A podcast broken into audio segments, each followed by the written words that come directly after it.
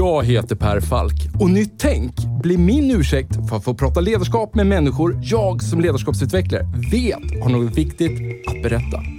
Och med tio avsnitt per säsong, varannan vecka, gräver vi därför ner oss i tekniker, principer och synsätt för att vi ska sätta fingret på vad som kännetecknar det ledarskap vi alla behöver se mer av. Och för att få de här samtalen att hända så har vi sponsorer. Först och främst min arbetsgivare Mindset där jag och mina kollegor tar fram både små och stora ledarskapsprogram som skapar de nya beteenden som behövs för att få er strategi att hända.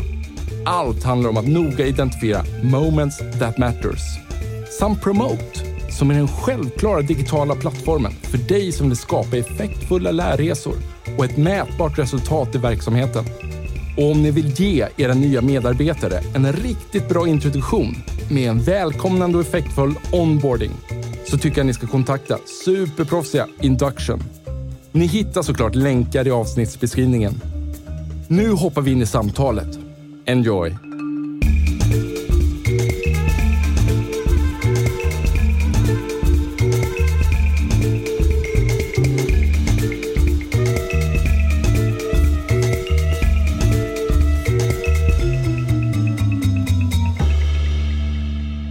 Emil, har vi klartecken från din sida? Ja, men bra. Då kör vi igång. Det här, ehm, det här blir ju nog den flummigaste inledningen ever. Men för några år sedan så var jag ute i trädgården och skulle samla in mördarsniglar för att liksom göra mig av med de här. Jag går runt i trädgården Mm. ehm, och så ställer jag mig ifrån mig den här plastbyttan. Då, liksom. Mm-hmm. Och då, då börjar jag märka att vissa, eller nästan all, nej, men så här, vissa av sniglarna börjar klättra upp på insidan mot, av liksom burken, upp mot toppen för att liksom rymma och komma, liksom, komma fria här. Och, och så då slår jag liksom med någon liten träpinne eller någonting på utsidan för att skaka ner dem igen. Men, men då händer det liksom något intressant. För, för då säger jag, vissa då drar ihop sig med en gång och faller ner. Vissa drar ihop sig lite grann men sitter kvar. Ah. Och den tredje typen bara fortsätter och, och klättrar upp mot toppen. Och, och jag kan inte låta bli någonstans att bara tänka att wow, kan det vara så att på någon jätte, jätte basal nivå så finns det någon sorts personlighet hos de här sniglarna som gör att de reagerar på olika sätt på hot. kan det vara så? Ja, självklart. va? Absolut. Det är ju eh, det som är hela tjusningen med hela naturen, att det finns skillnader så fort det finns liv. Va? Och det är ju skarpsynt av dig att fånga just snigeln då i och med att dess hjärna eventuellt inte är så extremt utvecklad. Mm, nej, men det, var- det, var ju, det var ju det som blev, det bara slog mig från ingenstans. Liksom. Varför?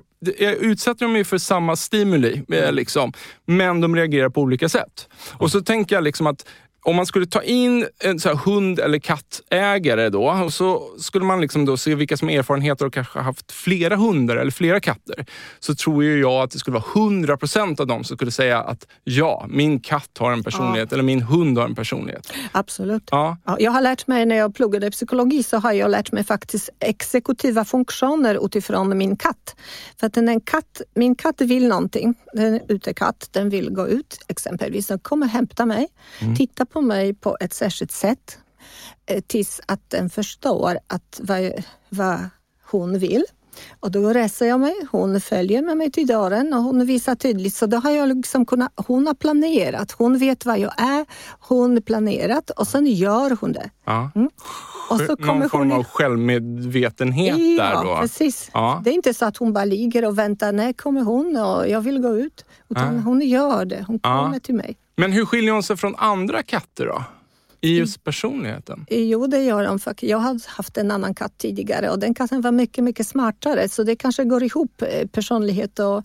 smarthet. För det- den katten kunde öppna dörrarna själv. Ja. Just det där med intelligens och personligheter är faktiskt en av mina frågor här eh, framöver. Eh, men så här, i, just idag faktiskt så går vi live med ett avsnitt med Linda Berggren som är delfintränare på Kolmården. Och för henne är det en självklarhet att så här, hennes delfiner är individer och de motiveras av olika saker. Hon kan inte belöna dem på samma sätt under träning utan hon måste hitta ett sätt. Vad är belöning för just den här individen? Så min fråga till er då, så varför så här, vi skulle ju li- egentligen kunna vara precis likadana, vare sig vi är en snigel, delfin, katt, hund eller människa. Men det känns som naturen då vill ha olika personligheter. Så va, varför tror ni? Varför har vi personligheter? Ja. Ur ett biologiskt perspektiv. Ja. Det är ju ett sätt för naturen att optimera sin egen överlevnad på någon nivå. Eh, spridning av egenskaper garanterar ju arters eh, överlevnad på sikt. Va? Ja. Och det kanske låter som ett extremt akademiskt tråkigt svar när vi hoppar från att mörda sniglar i trädgården och sådär. Men lyfter man det några abstraktionsnivåer så förstår man ganska snabbt att eh, likhet vore ju kontraproduktivt på lång sikt.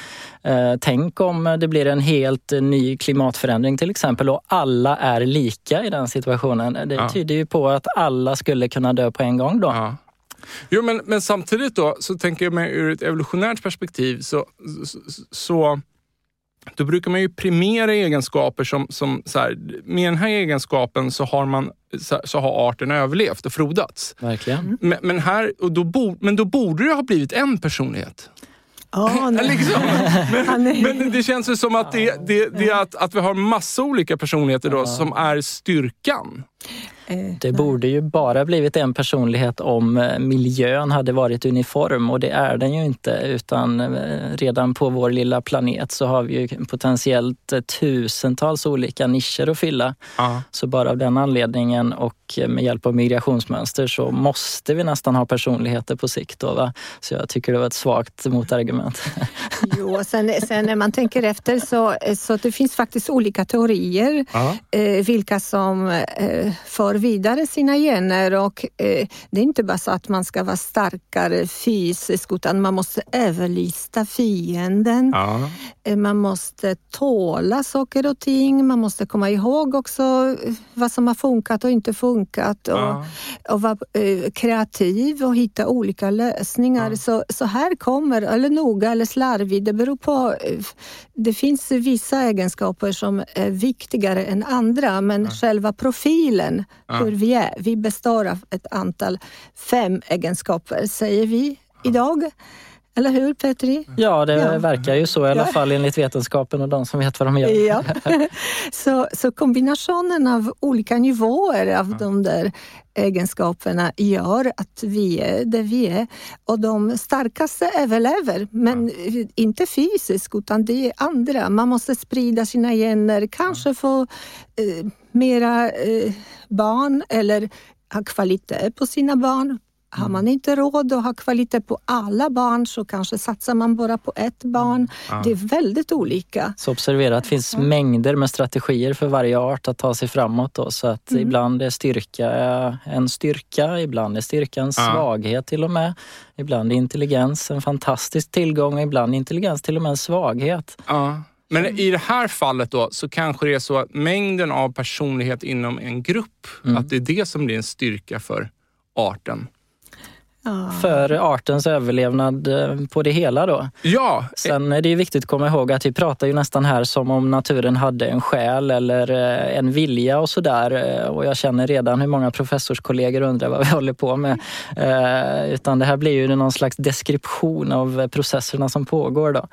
Eh, Och eh, Eh, det är ju fantastiskt tycker jag att vi som människor kan få ta del och vara medvetna om de här processerna. Och det är väl kanske det enda som skiljer oss från sniglarna när det gäller personlighet tycker jag, att vi ser vad som händer.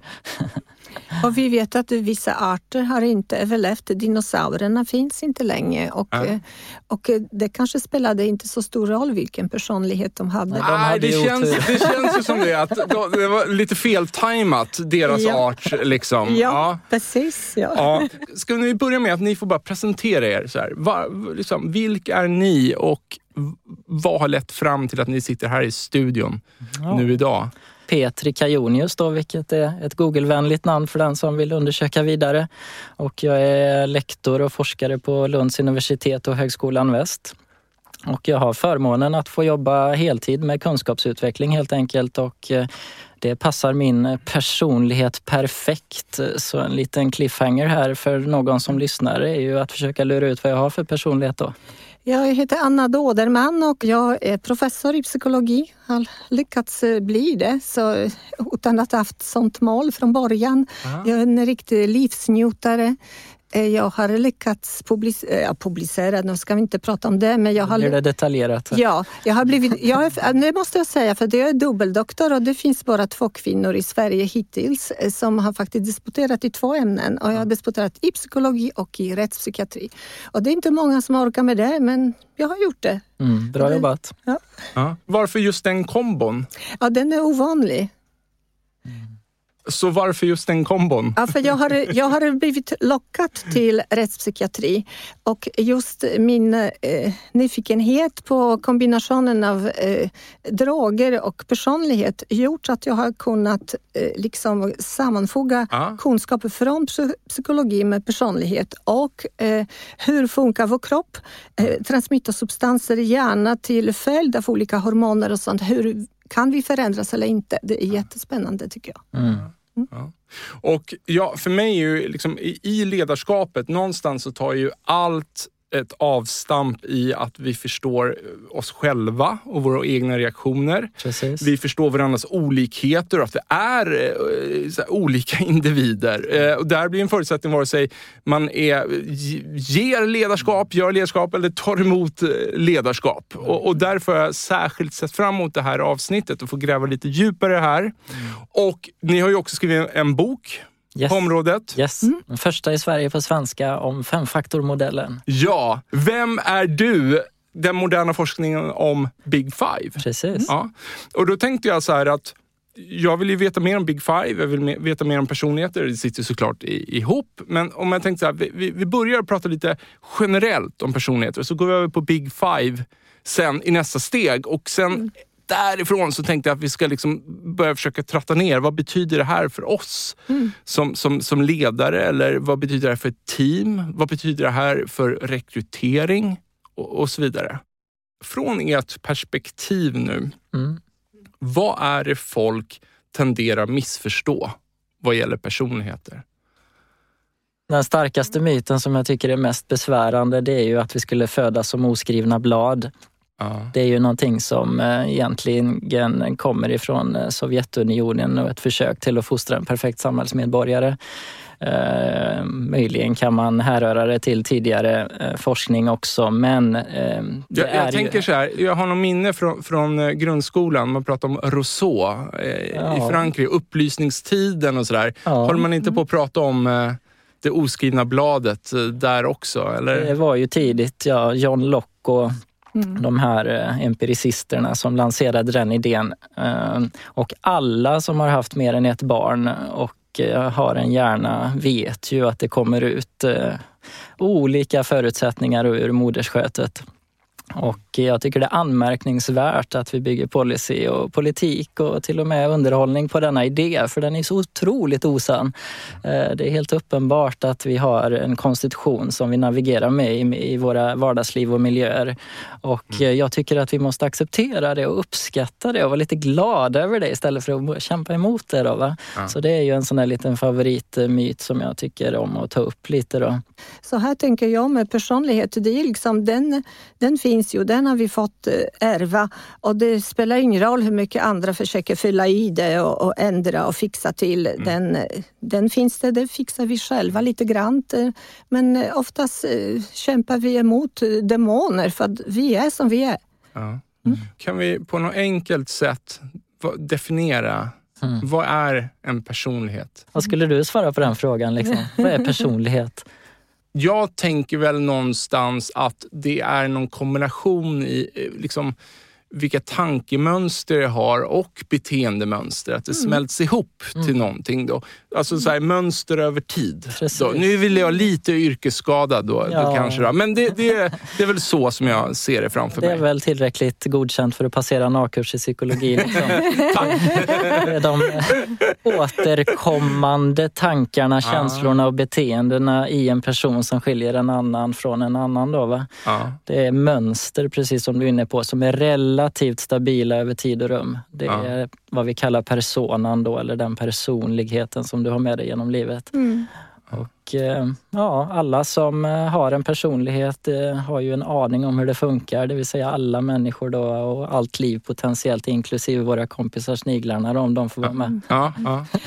ja och så, sen vet vi också, alltså detta, hur vet vi att vi kan skilja en person från en annan?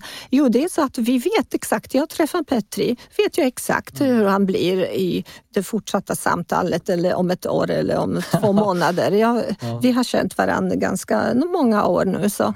Men jag, jag, vet hur min man blir. Jag vet exakt hur han tänker och vi har varit ja. gifta så länge. Så det, det liksom, ja. Man kan prediktera ja, på något sätt en reaktion. Eller ja. Hur kommer den här personen förhålla sig till den här händelsen eller det här argumentet. Ja, liksom. precis. Man vet, man vet hur ens barn är och man kan ju hålla i schakt vissa uttalanden för då vet man det kanske blir jätteförbannat eller jätteledsen. Och man, man vet, de personer man känner så vet man att de skiljer sig från varandra, från någon annan och, och då får man bemöta dem på det sättet som, mm. som är typiskt för dem och, och mm. inte skapa konflikter mm. eller sånt. Mm.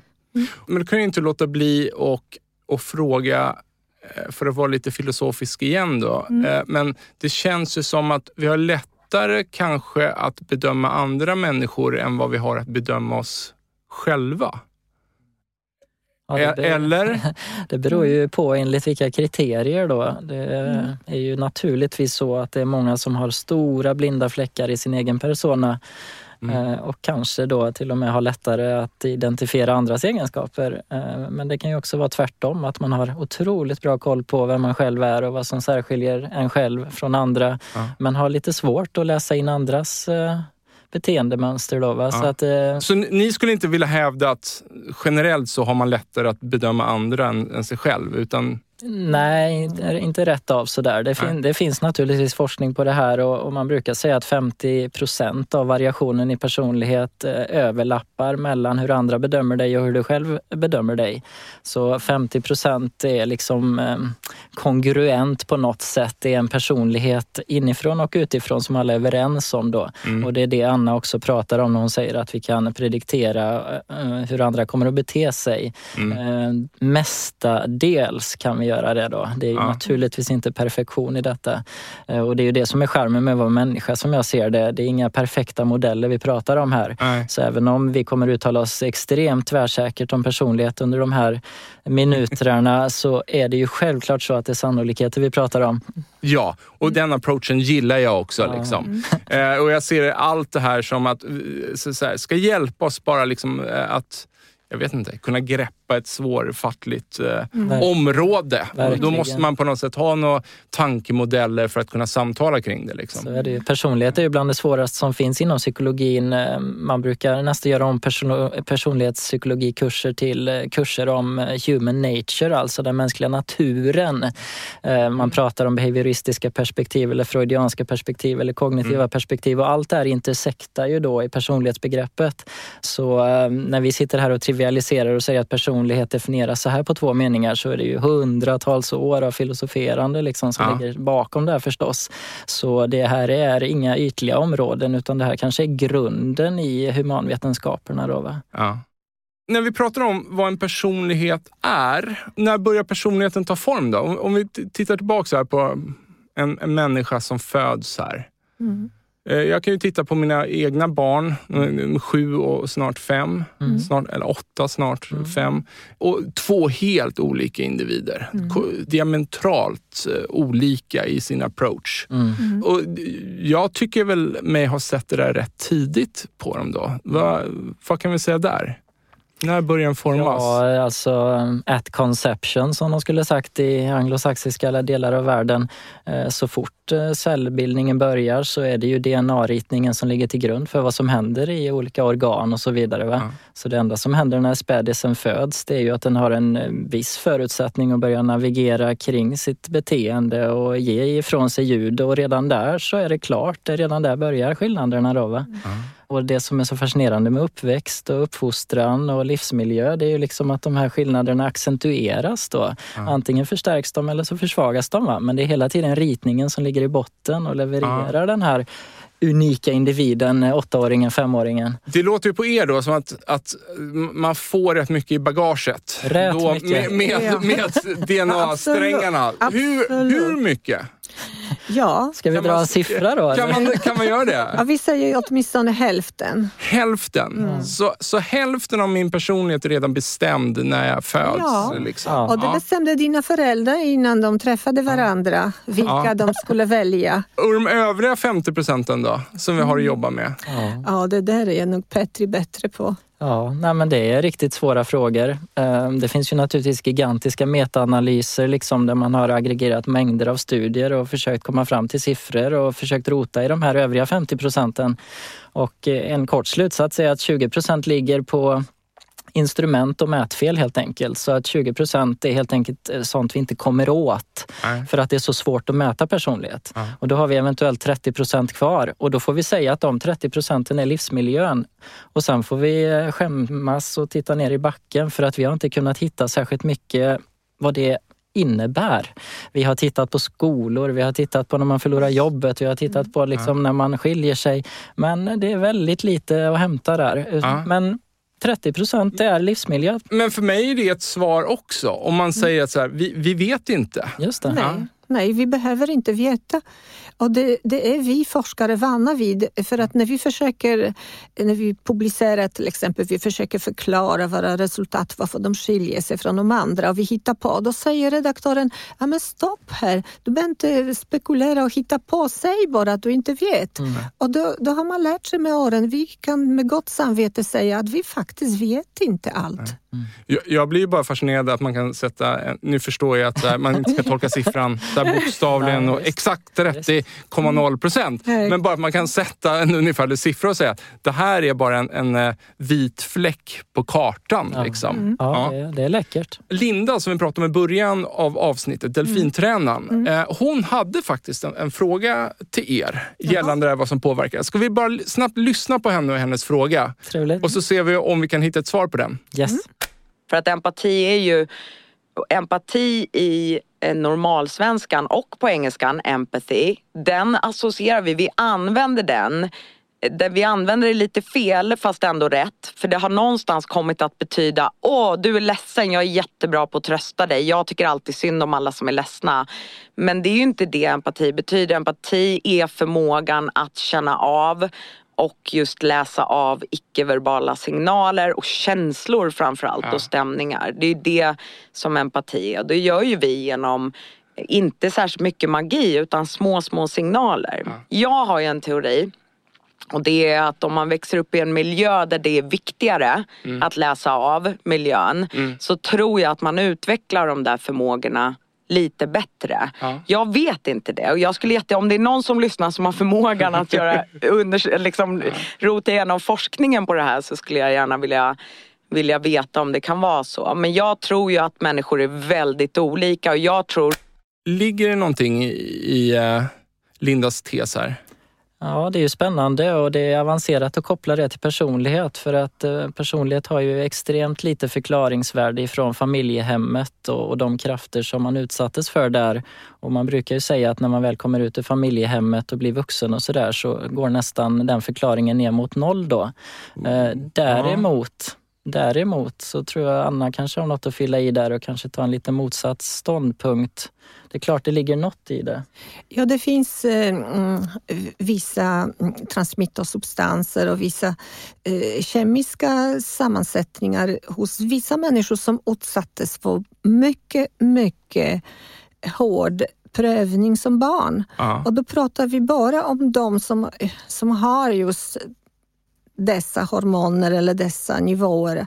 Vad, vad skulle det kunna vara? Att man utsätter för mycket stress för att Nej, det, det man ju- växer upp i... i Ja, det, du vet, det kan ju vara så att vissa personer kan utveckla posttraumatiskt stressdisorder och andra gör inte det, trots samma situation. Och det är därför att de är liksom funtade på ett visst sätt kemiskt, om man Ja, säger så. ja. så. Så gör de det. Det är likadant med en väldigt, väldigt liten grupp och det har man gjort i som kallad Dunedin-studien när man kollat folk i en hel stad, hur de utvecklades och då ka- kunde man följa dem livet ut och så såg man vilka som har blivit våldskriminella. ja. Eh, Och då såg man viss påverkan av, eh, av eh, miljö, men den var ju extrem. Då kan du tänka dig att någon har blivit utsatt för extrem våld, ex, eh, kanske sexuellt utnyttjat, Ja. inlåst i garderoben, halva... Rätt, eh, ja, du vet ex, såna extrema saker. Ja. Precis. Men det påverkar inte alla. Nej. att, även om man har blivit utsatt på liknande eh, påfrestningar utifrån så utvecklas man till en normal människa. Så, så det beror på. Det, det beror på. I, Ja. igen, det Ja. beror på. Ja, Ja. ja. precis. Men det, det handlar alltså om väldigt liten del av, eh, av befolkningen. Och det spelar ingen roll. Det är svårt, Ja. det är tufft. eh, För att då eh, kan inte de eh, hjälpa sig själva att utvecklas på annat sätt. För att, jag vill inte säga några deterministiska saker, absolut inte. Men sen pratar vi om de det positiva, att även om man liksom utsatt för olika påfrestande saker. Man kan utvecklas till väldigt positiva, man har liksom massa erfarenheter i bagaget och så kommer man ihåg dem, hur var det? Så man utvecklas som människa och kanske eh, eh, Vissa saker kan man utveckla. Vi pratar om det här 20-30 procenten, 15 procenten som man, man kan själv påverka på något sätt utifrån både negativa och positiva händelser. Men, men låt säga att jag har varit mobbad under större delen av, av skoltiden. Det låter på er då som att, att äh, nej, det kommer inte påverka min personlighet. I, no- I normala fall så kommer man faktiskt över sin uppväxtmiljö mer långtgående än man tror. Sen eh, ju mer extrema situationer man utsatts för naturligtvis ju större sannolikheten att det faktiskt sätter bestående spår då. Ja, Inga ja. konstigheter där. Eh, Vi vet eh, att det finns vissa sådana egenskaper som till exempel psykopati och sådär som faktiskt eh, har sina rötter i familjehem och så. Mm. Men jag tänker också att en del av svaret på den här frågan eh, det är ju att eh, personlighet och beteende i de här fallen behöver ju inte samstämma särskilt väl då utan det kan ju vara så att man har levt under förtryck under större delen av sin uppväxt och inte låtit sin, ursäkta, sanna personlighet komma Mm. till uttryck då. Mm. Och mobbning är ju ett perfekt sånt uttryck då. Alltså Mm. man tvingas in i vissa beteendemönster som inte är jag. Nej. Och det kan ta decennier att komma ur det Mm. förstås. Då, va? Mm. Så det är viktigt att påstå att under hela vårt samtal här så pratar vi egentligen om normal personlighet. Mm. Vi pratar inte om psykopatologi, vi pratar inte om Nej. extrema situationer, vi pratar inte om rumänska barnhemsbarn och så vidare. Okej, så generellt Linda så var du lite ute på fel spår här kan vi säga. Med lite glimten i ögat. Med glimten ja, i med ögat. glimten i ögat. Ja, Okej, men då, är, då så här, hmm.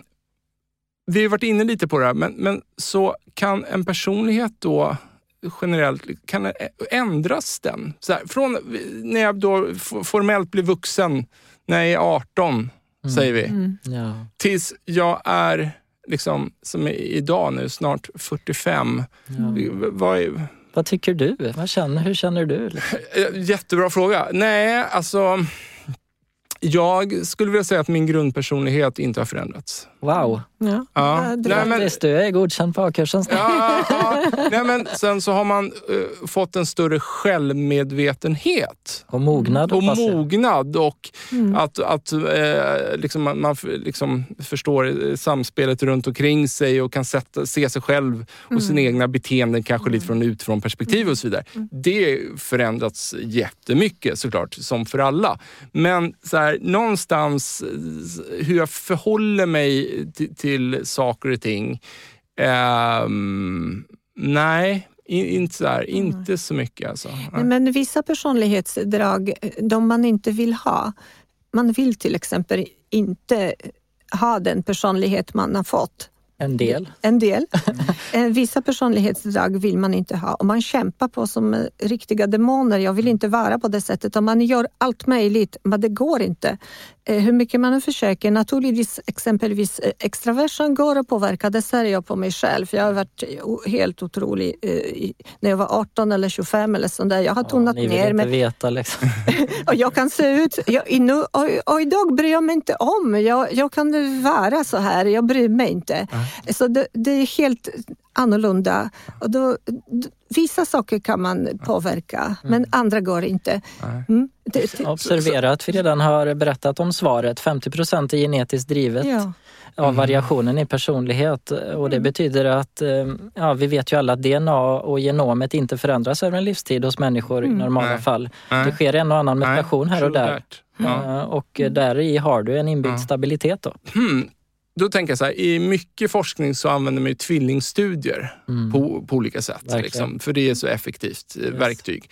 Och då, då kan jag inte låta bli att tänka, hur ser det ut där? Så här, enäggstvillingar, får de samma personligheter? Ja, långtgående i alla fall. Så långt så att det ofta blir tv-program om sådana som växer upp på olika kontinenter och träffas i vuxen ålder. De har till och med samma färg på kepsen ibland, enäggstvillingar. Ja, Eh, naturligtvis är det inga perfekta korrelationer men de är väldigt höga. Liksom. det är ju helt galet. Det är ju lite galet. Ja.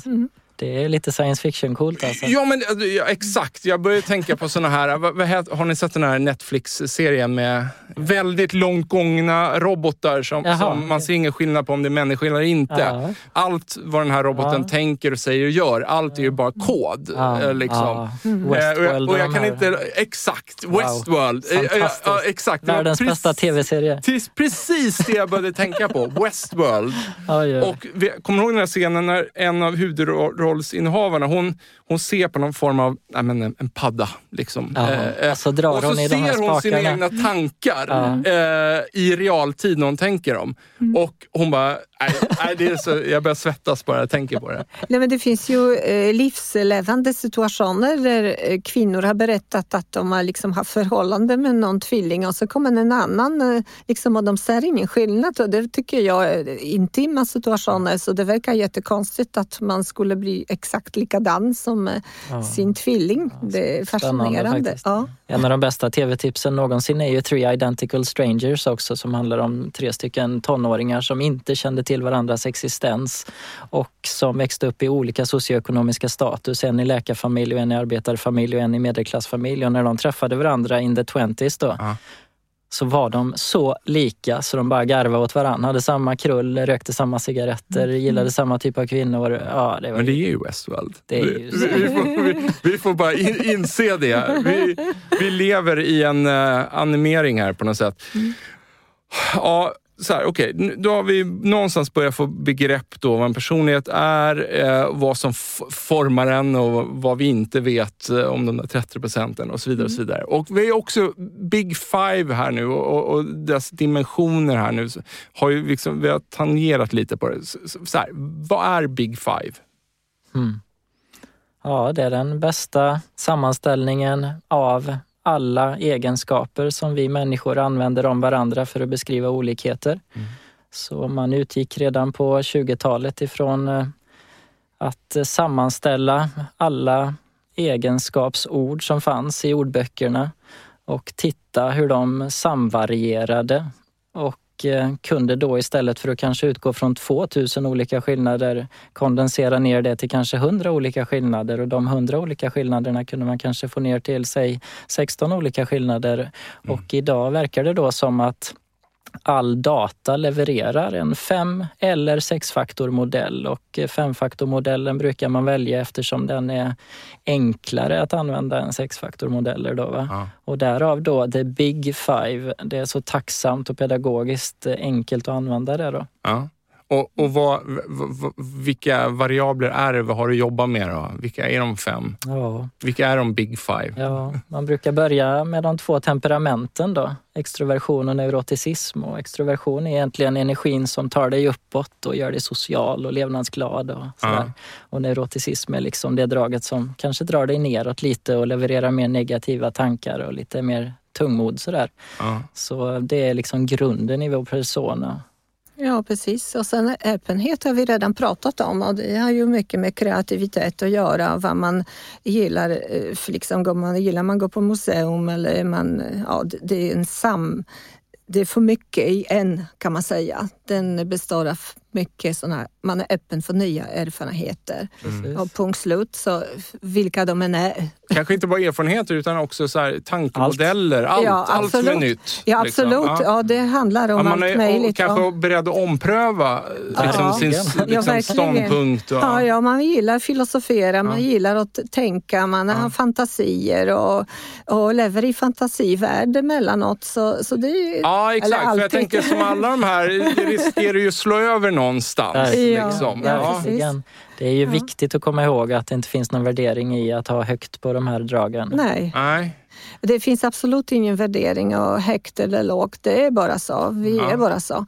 Men sen har vi samvetsgrannhet. Och, Men, men det skulle ja, väl i så fall vara vad- det ni kallar för neurocitism? ja. Är- Neuroticism. Ja, jag, Neurotisk. vå- jag, vå- jag vågar inte ens säga. Ja. Eh, men, men den känns lite mer då som att det kanske bättre var på en del av skalan än den andra. Oftast, oftast, men det kan även finnas fördelar med att ha lite neuroticism, särskilt för kvinnor, för man identifierar kanske våld och hot snabbare. Ah.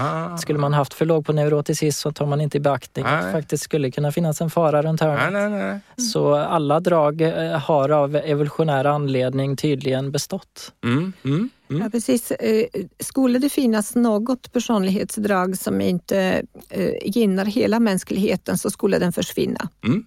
Mm. Och det finns stora fördelar med neuroticism, även om det är väldigt jobbigt för personen som har till exempel höga nivåer av neuroticism. För man vill inte ha det, man tycker det är jättejobbigt. Men det finns stora fördelar.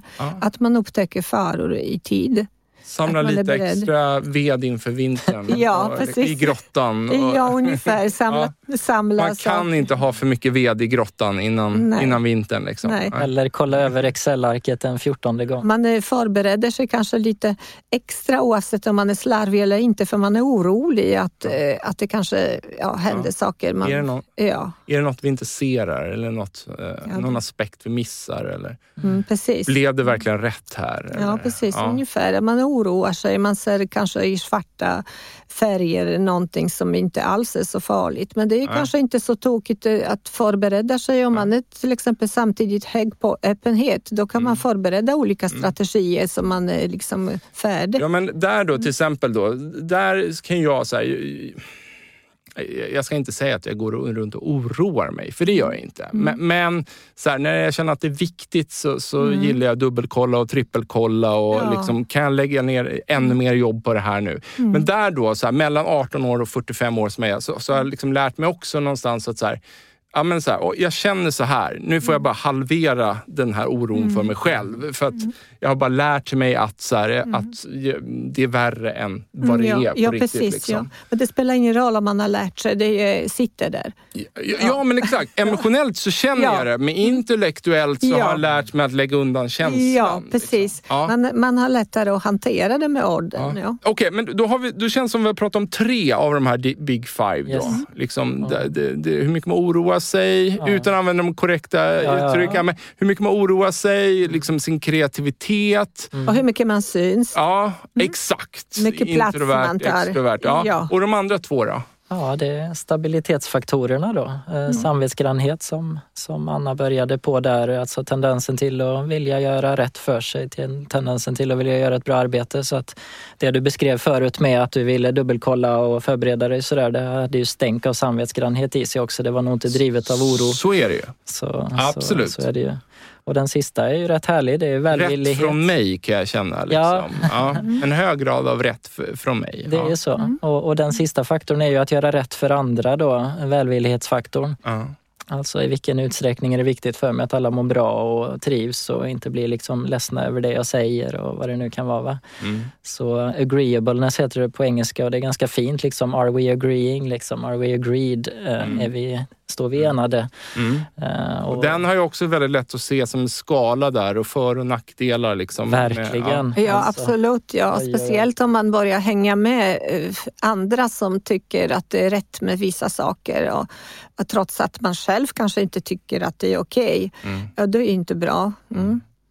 Men, men då, så här, en springande punkt då, som jag har förstått det med Big Five är att man gillar inte att kategorisera eh, mm. människor och dela in i typer. Nej. Varför är det så? För så här, från mitt perspektiv, då, om, jag, om jag tänker mig här att de, det är fem provrör som sitter här i hjärnan och det är mm olika mycket signalsubstanser i de olika provrören. Mm. Med det resonemanget att man inte kan dela in människor då. Varför kan man inte ta människor som har lika mycket signalsubstans i de här provrören?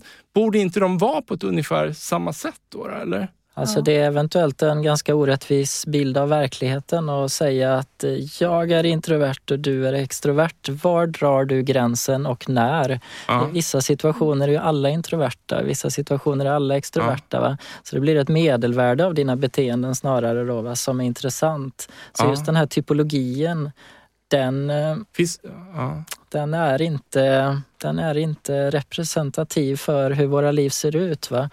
Det är väl den största kritiken mot det. Det finns ingen prediktiv validitet. Det finns alltså ingen förutsägelseförmåga i att säga att ja, men jag är extrovert. Eh, däremot att säga att ja, jag kanske ligger i 67 percentilen på extroversion jämfört med alla andra, det ja. har då en förutsägelseförmåga. Kommer du ihåg Westworld? Vi pratade om det nyss. Va? Alltså att om du har en sån här liten iPad framför dig så har du alltså fem stycken reglage istället. Mm. Och varje människa kännetecknas av en unik nivå av de varje, var, varje reglage, alltså fem mm. stycken. Och det är personlighet. Och personlighet är liksom inte att titta här står det att jag är extrovert eller titta här står det att jag är välvillig mm. eller här står det att jag är gul. men, men om man tog då, men det är ju det jag menar. Om man tar då, jag kallar provrör, du kallar det reglage då mm. i en, mm. en Westworld-analogi ja, här. Ja, eh, och jag älskar att du, du gör det. eh, men, men då tänker jag så här, om man, om man, bara, de som har reglagen på samma sätt. Ja. Eh, så här, övertygar man om var, varför är inte de då du, på samma sätt? Du kommer att få oändligt antal typologier. Eh, för att eh, människor nu blir det eventuellt lite svårt, men människors egenskaper är alltid normalfördelade. Det betyder att eh, de flesta människor ligger i mitten på en given egenskap och det är lite ovanligt med radikal extroversion, lite mm. ovanligt med radikal ovälvillighet och så vidare. Mm, mm. Det är alltså väldigt få människor som är superextroverta. Mm. Så de här typologierna, det blir en extremt klumpigt ingrepp på normalfördelningskurvan som vi forskare säger då. Va? Mm. Mm. Det finns en spridning av egenskaper som är matematiskt förutsägbara. Men jag gillar, för det handlar ju också om liksom så att om vi då... Alltså, eh, vi riskerar ju då, om man klumpar ihop folk för mycket, så riskerar vi ju inte se dem som individer. Mm. Ja, eh, om jag tänker från, utifrån min roll som, som mm. ledarskapskonsult och, och lära liksom ledare att utveckla sina människor. Mm. mm. Jag har några grejer jag skulle vilja slänga in. Då. Så här, bara, vad, nummer ett, så här, kön. Mm. Ja. Hittar man några spår i, i, i manligt och kvinnligt vad gäller personligheter och Big Five? Självklart. Ja. Varför skulle man inte, vi pratade om evolutionen i början, mm. att eh, likheterna är för stora kan vara kontraproduktivt. Ja. Och det finns jättelika datamängder som pekar på att neuroticismen och välvillighet är en eh, signifikant skillnad mellan könen. Och, eh, på vilket sätt? Ja, kvinnor har generellt högre av båda och mm. ofta ganska mycket till och med om man tittar på stora datamängder. Ja. Och det kan vi tänka på, på att det kan vara evolutionellt förklaring. För att kvinnan står ju för barnafödandet. Eh, det är hon som får ansvar sedan ja, mänskligheten har överhuvudtaget börjat finnas. Mannen har alltid rätt att gå. Eh, fast han gör, fast han gör inte ja, det rätt alltid. och rätt liksom, men ja, han rätt går. Och rätt. Men jag menar... Tack för det. Nej, men jag menar att det händer. Mm? Ja. Eh, mannen kan välja att gå men kvinnan eh, oftast måste ta hand om sina barn. Och då kan det vara så att hon är mera eh, ja, inställd på att ha ansvar och eh, kanske välvillig på det sättet att hon kanske håller med vissa saker för familjens skull. Och, Stabiliteten. Ja, stabiliteten och det, det hänger också ja. ett ansvar för, ja. för familjen på helt annat sätt. Ja. Och det som talar emot att det bara är kulturella förklaringar, vilket naturligtvis också är en plausibel tes, det är mm. ju att det är så i alla kulturer. Mm. Men det är det inte, naturligtvis inte. Mm. Ja. Ja, okej, det, det var en. Nästa grej då, så tänker jag så här, det, det, inte på samma magnitud som kön, men så bara tänker jag så här, eh, vad motiverar människor liksom?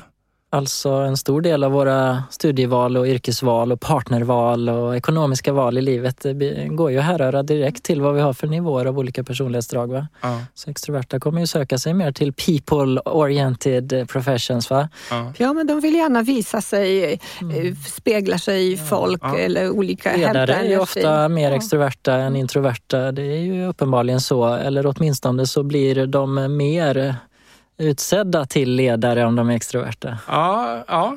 Nej, alltså så här, ja, traditionellt har det ju varit så. Yes. I- Men, men jag tycker att man mer och mer liksom med att en ny form av ledarskap växer fram så inser man värdet av att Det det, kanske inte behöver vara så. Men, men däremot kan jag tyvärr hålla med att någon som är liksom extrovert lagd, förmodligen kanske lite lättare att ta sig fram i organisationen. Yes. Liksom. Li- För man får lite mer sändningstid. Så är det ju. Ja. Det finns ju studier som pekar på att din ingångslön blir lite högre om du är extrovert. Det betyder att redan vid anställningssamtalet har du Ja, något. ja, Det beror väldigt mycket på att extroverta kanske eh, har andra eh, personlighetsdrag. Inte vet jag, vi har inte tänkt på det. För att, om det hänger ihop med eh, öppenhet, att man eh, kanske vill också förhandla, att man vill eh, träffa de som Ja, det bestämmer finns ju tusen lönen. anledningar till varför det sker. Tusen, tusen Ja, ja. anledningar, så, så det är inte så konstigt att Nej. man är liksom vågar att Mm.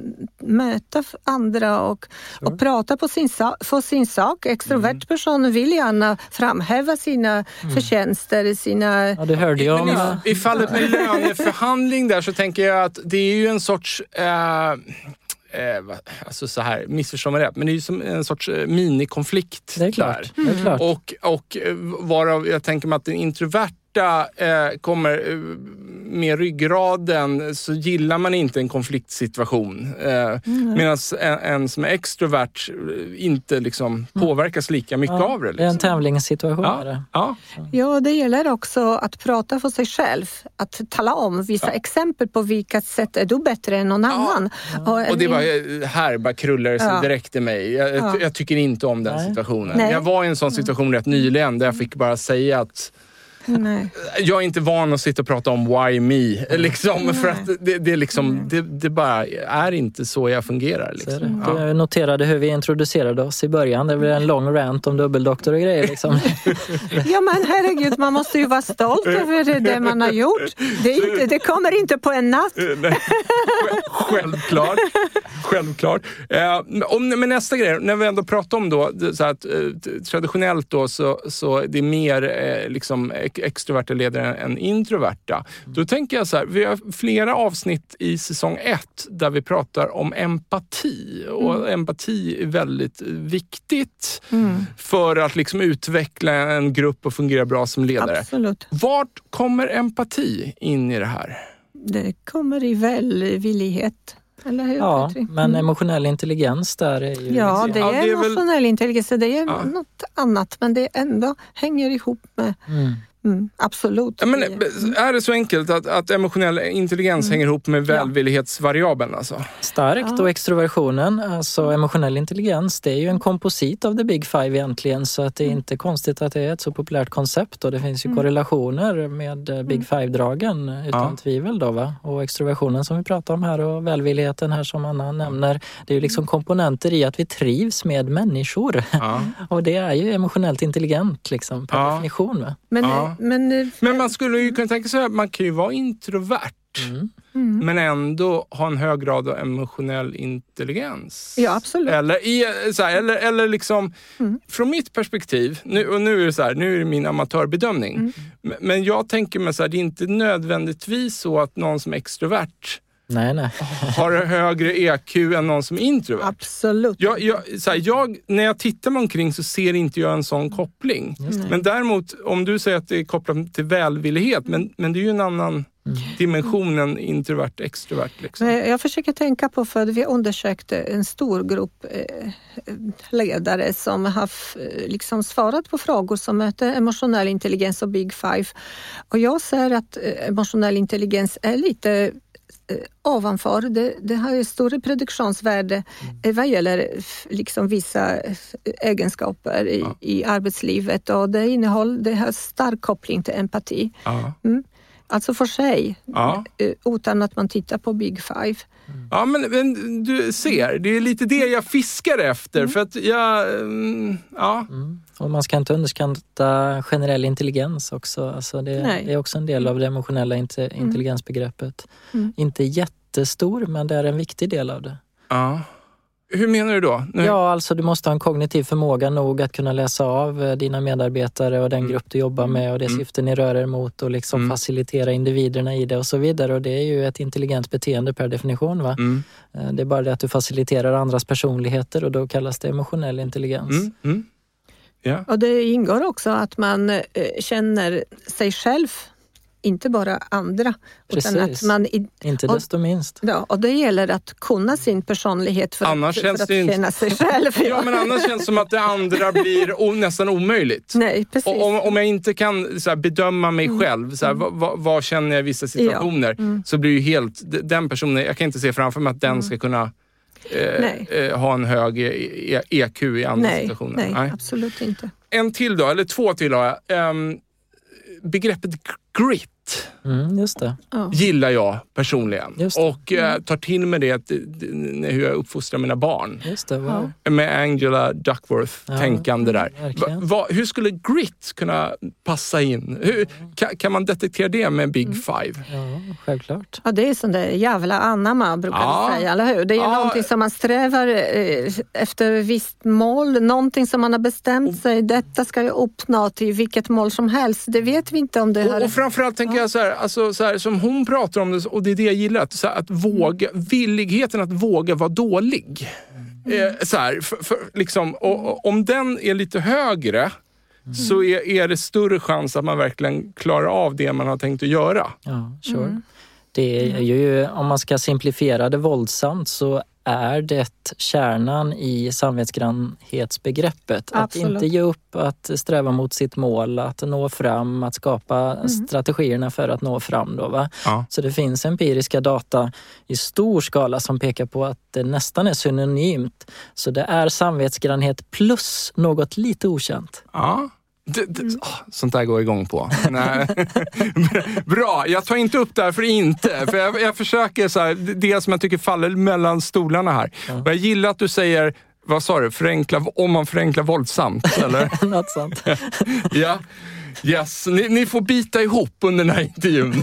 och för min skull förenkla våldsamt. Men det, men det finns eh, liksom andra saker som växer, dyker upp som är liksom på mode just nu, det här med gritar. Liksom, ja, ja, visst. Det kommer och går sådana koncept, men ja. Big Five-modellen består. Ja. ja.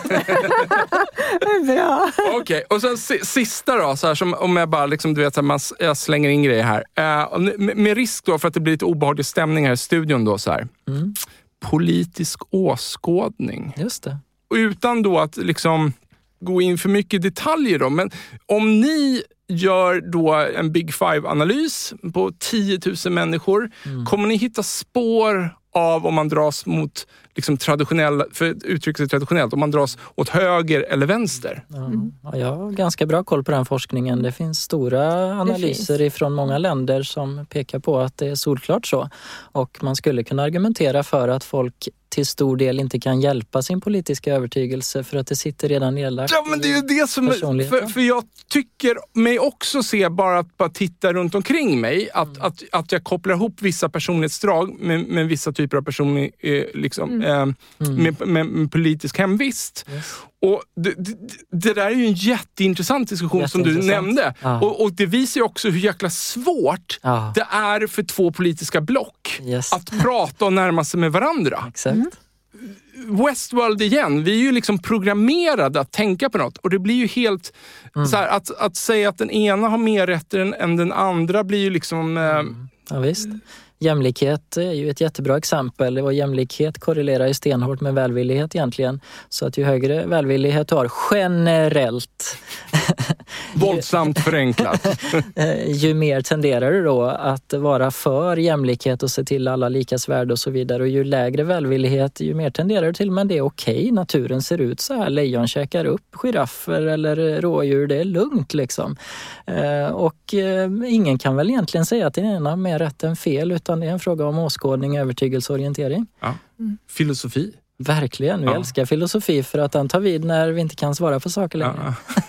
Jag vet inte om ni läste, det var en sån artikel i antingen Svenska Dagbladet eller DN rätt nyligen som handlade om man kopplar personligheter till stormning av Kapitolium. Just det, coolt. Läste ni det eller? Mm, inte specifikt, men det är lätt för mig att inferera. Ja, för, för, att det man slog fast då i den här, och, och, återigen, jag har ju bara artikeln att gå på. Det var en amerikansk undersökning och där man visar liksom att de som stormade Kapitolium var så här, det var svårt att hitta spår. Det är liksom det högutbildade, lågutbildade, mm. så här, så här, olika åldersgrupper, olika kön. Mm. Men det som förenade var eh, väldigt, det man hittade spår i var i, liksom i personlighetsspektrat. Mm. Och dels var det att man eh, ja, men, graviterade lite mot starka ledare. Mm. Eh, att man går igång på synbart starka ledare.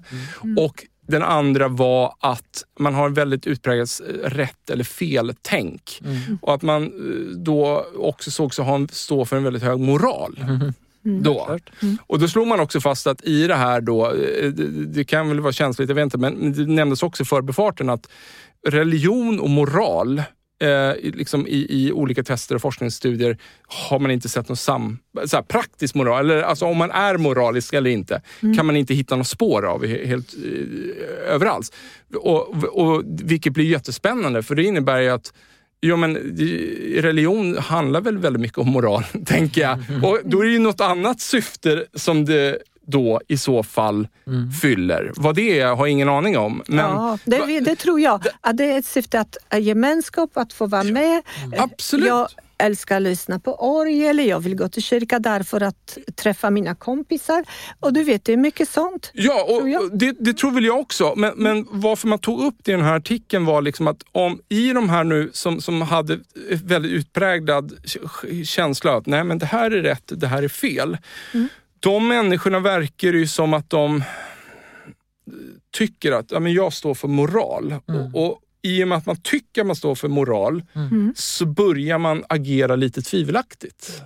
Som att storma Kapitolium. Ja, absolut. Eh, Hela andra världskriget och judeförintelsen drevs ju av eh, sådana moraliska tankemönster. Va? Ja. Och det är ett dramatiskt exempel eh, kanske, men, men självklart är det så. Va? Ja. Det är ju kul att du nämner så radikala exempel på din podd tycker jag. Jag försöker, jag försöker ta i lite här med, för att vända och vrida på begreppen. Liksom. Uh, när jag har två proffs här i, i studion. Liksom. Ja, ja nej, men det är fräscht. Kul. Det är fräscht, tack! Stora ord!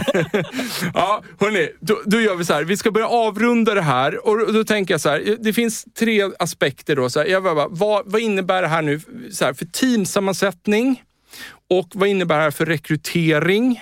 Mm. Och kan vi koppla någonting, vad innebär det för, för ledarskap rent generellt? Eller liksom, mm. eh, vilka som funkar le, som i ledarroll. Men om vi börjar med så här, teamsammansättning. Mm. Ja. Öpp, helt öppen fråga. Ja, nej, min spaning är ju att det här är fronterna i grupppsykologi och antalet interaktioner i en grupp utifrån säg Big Five permuterar ganska fort och blir ju extremt många kombinationer av. Va? Och man försöker ju identifiera grupppersonligheter nu och det finns ju en hel del empiriska rön kring till exempel att samvetsgrannivån måste vara tillräckligt hög i en grupp för att den ska mm. fungera. Är den för ja. låg så sitter alla och leker mm. och blåser i ballonger och, mm. och käkar kaffe och, och bulle liksom. Va? Ja.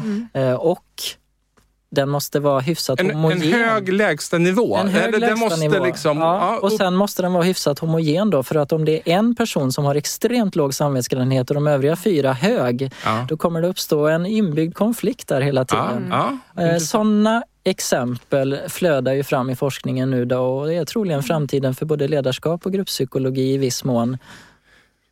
Har ni hört talas om Project Oxygen och Project Aristotele från, som Google har gjort Ja, egen. ja. Ja. Ja. Är, är det bra eller dåligt spontant? Google är ju alltid bäst. De har ju alltid bäst data. Ja, men det är ju det som är grejen. Att det, det är ju forskning som inte kommer från traditionell forskarvärld. Det är det som är väldigt spännande här. Supercoolt. Och jag, jag har bestämt mig efter att ha tagit del av det här att jag känner att jag måste förhålla mig till den här datan. Och vi har ett avsnitt säsong ett där, liksom, där vi pratar om det, det. och berör det. Men det som är intressant och vill komma till då, det är att, att mm, när man tittade på sina team i Project Aristotele Mm. så eh, det finns en väldigt vanlig föreställning att nej, men det ska vara så uppblandat av personligheter Mm. och så vidare och att det är det primära. M- Men i datan, så, så, ja, så här, det är väl bra, men det är inte det som liksom skapar en magi i sig. Mm. Utan det man kom fram till där var lite liknande som du var inne på Petri. Men det var inte välvilligheten, eller så är det det. Jag vet inte. Men, men det var just, nu kommer tillbaka till det här, en hög lägsta nivå av empati. Just det. För det ledde till en psykologisk säkerhet inom Precis, gruppen psychological. som gjorde till att gnistan tändes och den här gruppen blev högpresterande. Precis. Och det var först då som man kanske också får utväxling av att det var olika personligheter i, i gruppen. Yes. Men det är inte de olika personligheterna i sig som gör att det liksom bara detonerar där på ett positivt Ja, sätt. nej, men jag säger ju det, du ska göra den här podden själv, du behöver inga gäster. ja, ja det, det var fint. Så. Den, den tar jag med mig in i helgen här nu. Ja. Då har vi ett naturligt steg in i rekrytering Ja. där också då, med rätt person på rätt plats och rätt Ja. team och Ja. vad behöver teamet? Jag har själv gjort många analyser där man har gjort liksom någon slags gruppanalys utifrån Big Five och konstaterat vad man eventuellt saknar då. Ja. Eller hur, eh, varför gruppen beter sig så dysfunktionellt och kanske alla är extroverta och bara tävlar till exempel eller något sånt där va. Ja. Men det, det är ju väldigt spännande. Då hade jag nog bara suttit, varit en satt i ett hörn och bara väntat tills de hade tävlat klart. Och, vilket inte hade varit så konstruktivt beteende i sig heller. Men det är det min ryggrad hade liksom sagt åt Ja. mig att göra. Men man måste vara villig, också välvillig, att dämpa sina personligheter lite grann. Nu är det gruppens mål som gäller och det ska vi uppnå tillsammans till det bästa resultatet. Kan, men då, herregud, alltså Ja. jag bara känner så här, jag skulle vilja ha en timme till här. Prata. Men, men, då, men, varia, men då blir det så här, variabeln... Vänta, vänta nu, nu ska vi se här. Om vi har den gruppen människor, vi vet eh, liksom vilka personligheter de har, för det har vi mätt. Mm. Dimensionen av självmedvetenhet då? För bara för att med en Big Five så har vi ju inte mätt hur mycket självmedvetenhet de har om sin personlighet. Kan det vara en faktor som vore intressant att läsa? Eller, eller- liksom detektera att det här teamet har en generell hög nivå av självmedvetenhet kring sin egen personlighet? Ja, spännande va? Det är lite sådär, eh, det är, inte, det är inte uppenbart att det rasar in studier i huvudet på mig när du ställer den frågan. Det är rätt Nej, svårt Jag, att jag, fånga. jag, kommer, jag ställer, den där var en typisk så här, skjuta från höften-fråga. För det slår mig bara nu att, att allt är inriktat på att, att mäta personligheten Mm. så valit som möjligt. Men man mäter ju all... Jag i en intervju sen, i en rekryterings... Så nu har jag ett testsvar här och jag får en känsla när du Peter eller du Anna sitter och pratar om dig själv. Mm. Hur mycket liksom, mm, koll på det här eh, testresultatet Ja, verkar du ha? precis. Så där får ju jag som en rekryterare eller en chef en bild över din självmedvetenhet. Men jag bara tänker på att det hade varit intressant att koppla Mm. just det. Här har ju jag mitt forskningsprojekt då, som jag kanske Verkligen. eh, ska dra, dra igång. Verkligen. Jag Ja. känner att det är ditt bidrag till oss potentiellt. Eh, Det är ganska intressant. Tänk om det är så att medvetenheten om Big Five har en prediktiv validitet som vi inte har utforskat ordentligt. Det här är ju helt galet. Det är coolt. Ja, jag ryser här och nu. Liksom. Därför att ingenting i det, har- så här, det här Project Aristoteles, så här, det är jätteintressant. Det är superintressant. Men inte ens där står det någonting om just det där, utan man, man kopplar det mot empatin. Och, och, men då är det samma sak då. Jag, jag börjar tänka så här, men empatin, om det är en hög nivå av empati, då innebär ju det, som vi pratade om tidigare, att man har hög koll på sig själv. Precis, Ja, så är det ju. absolut. Jag har faktiskt några begåvade masterstudenter i Lund just nu som gör exakt den här studien. De tittar på diskrepansen mellan vad man får på ett Big Five-test och vad de trodde om Big Five-testet innan och studerar den luckan då. Och eh, vi vet inte resultaten än. Nej, Du, du kan ju puffa på mig när de är klara. De är kanske kul. vill komma hit och, Ja, men och ungefär. berätta Ungefär. vad, vad de kom fram till. Och de vet vem de är om de lyssnar på detta. Hör av er. säger jag Hörrni, tack för att ni kom. Och er, en länk till er bok, Vem är du? Den moderna forskningen om Big Five, lägger vi såklart in i poddbeskrivningen. Tack så mycket. Ja, men tack själva. Mm, trevligt. Hej! Hej. Hörni, tack till våra sponsorer Mindset, Promote samt Induction för att ni tror på den här produktionen. Ta hand om er.